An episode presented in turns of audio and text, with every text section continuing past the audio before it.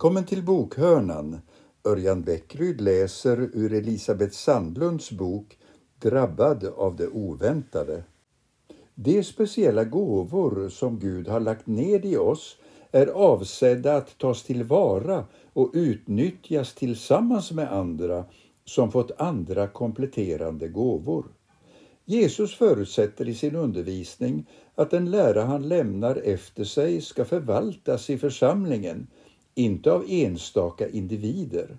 När den kristna tron sprider sig över världen sker det inte individuellt utan på ort efter ort bildas församlingar, vilket vi kan följa i Apostlagärningarna. Och av de brev där den kristna trons teologi börjar ta form är de flesta riktade till församlingar, inte till individer. Även de som har en namngiven person som adressat tar fasta på att uppmuntra och i förekommande fall kritisera församlingens inre liv.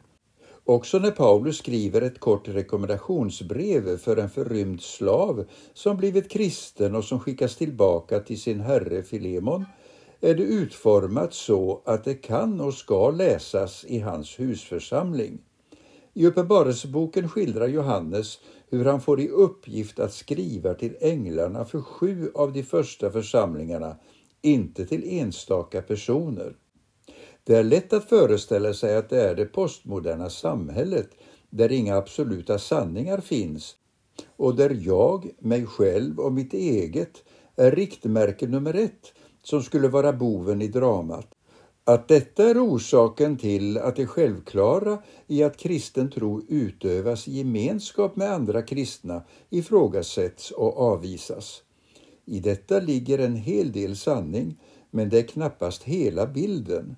Dragkampen mellan kollektiv och individ är inte tidsbunden utan florerade även under den första kristna tiden.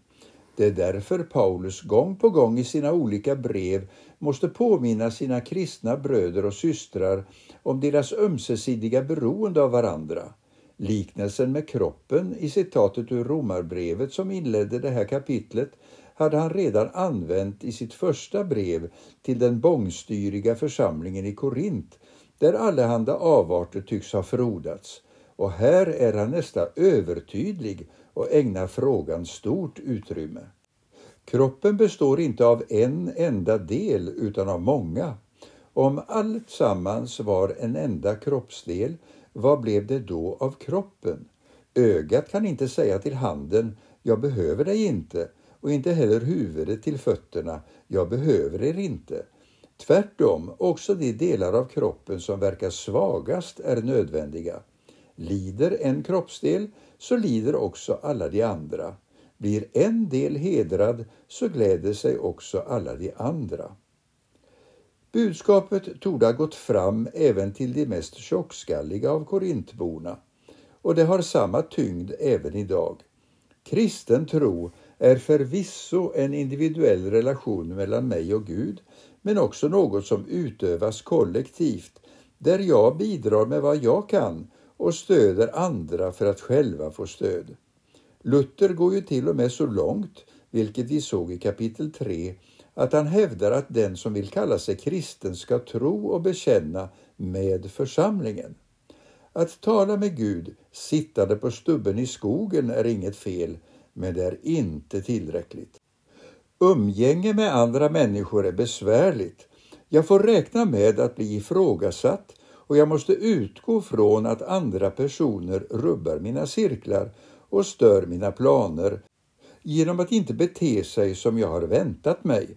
Risken är stor att träffa på människor som kräver mer av mig än jag är beredd att ge, som vill att jag ska lyssna på deras problem när jag har nog av mina egna, som ger mig dåligt samvete därför att jag inte alltid orkar med dem. Just så är livet även i den kristna församlingen. Där om någonstans krävs tolerans för dem vars beteende avviker från normen tålamod med dem som har det besvärligt, empati, inte bara i ord utan omsatt i gärningar, öppenhet för nya idéer och samtidigt respekt för traditioner. Listan kan göras lång och det är lika bra att slå fast att det inte finns några idealförsamlingar där allt stämmer på en gång och inget finns att invända mot. Jagar man efter en sådan gemenskap är risken stor att man förvandlas till en hoppjerka som ständigt blir besviken. Mitt bästa råd till dig som vill finna en kristen gemenskap är att se dig omkring där du står. Sannolikheten att du är medlem i Svenska kyrkan är stor. Då tillhör du, vare sig du vill eller inte, den församling där du är mantalsskriven. Möjligheten att byta församling utreds för närvarande men det kommer att ta många år innan en sådan förändring eventuellt genomförs. Börja med att ta reda på vad denna din så kallade territorialförsamling har att erbjuda. Gå på gudstjänster, stanna kvar på kyrkkaffet eller dröj en stund i vapenhuset. Tala med dem som tjänstgjort i gudstjänsten och med de andra deltagarna. Bli inte nedslagen om ni är en liten skara, även om detta kan få den mest ihärdiga sökare att fundera över om man verkligen kommit rätt. Fråga efter alfakurser eller andra former av vuxenundervisning i kristen tro. Undersök om det finns möjlighet att träffas i andra former än vid gudstjänsterna, till exempel i smågrupper. Chansen är mycket liten att du som nykomling blir mottagen med annat än öppna armar. Får du inte kontakt första gången, ge inte upp utan gör ett nytt försök. Men lyssna noga på vad som sägs i förkunnelsen.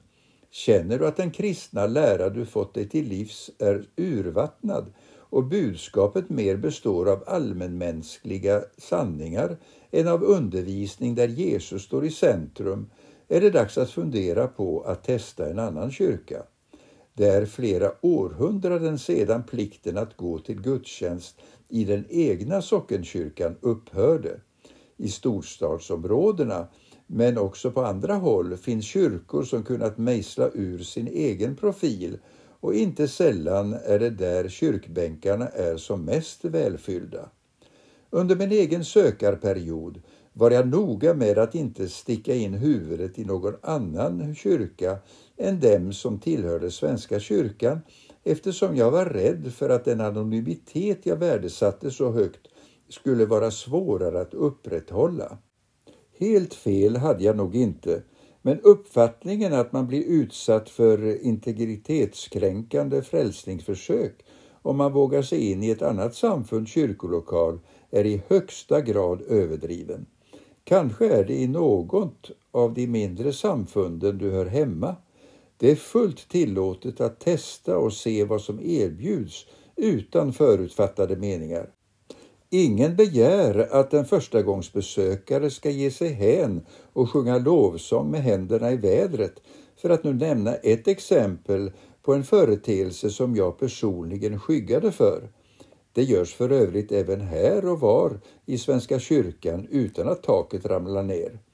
Att hitta den församling där man hör hemma och där man tänker satsa sin kraft och energi måste få ta lite tid. Och allra viktigaste, det bör ske i nära samspel med Gud. Be honom leda dig till en kyrka där du kan känna dig hemma och växa som kristen.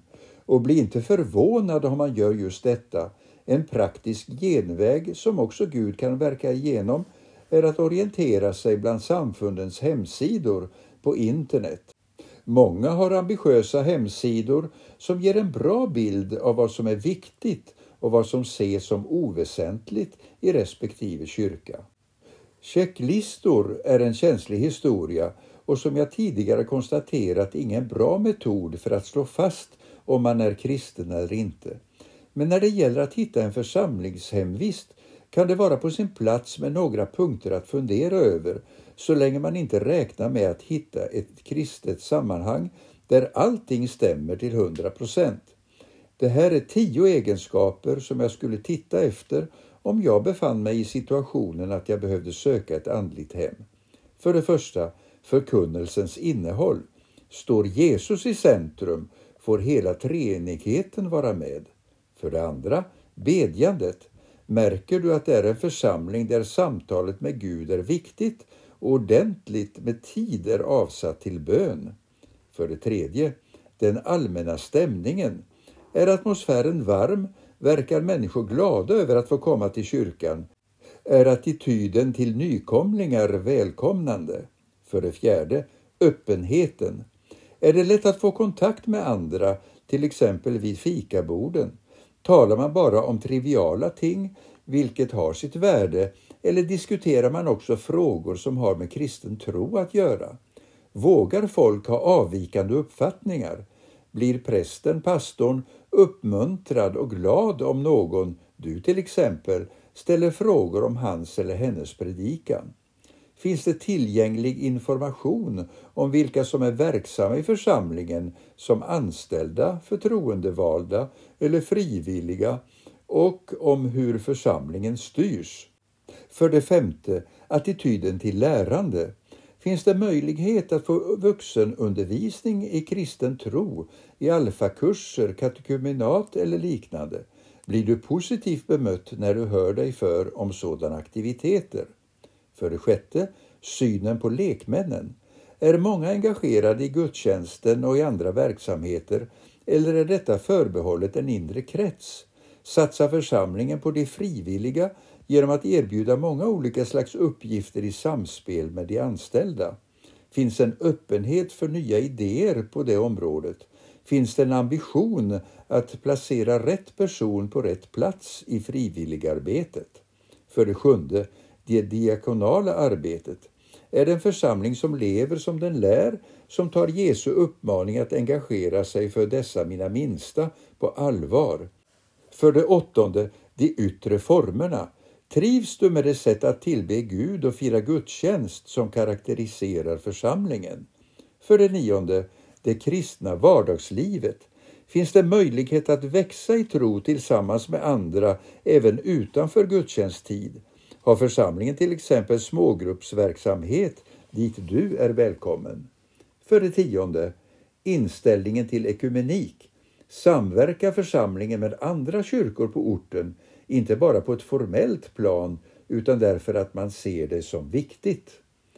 Alla de tio punkterna har sin betydelse, men ska de graderas är de två första de absolut viktigaste för den som vill ta sin kristna tro på allvar.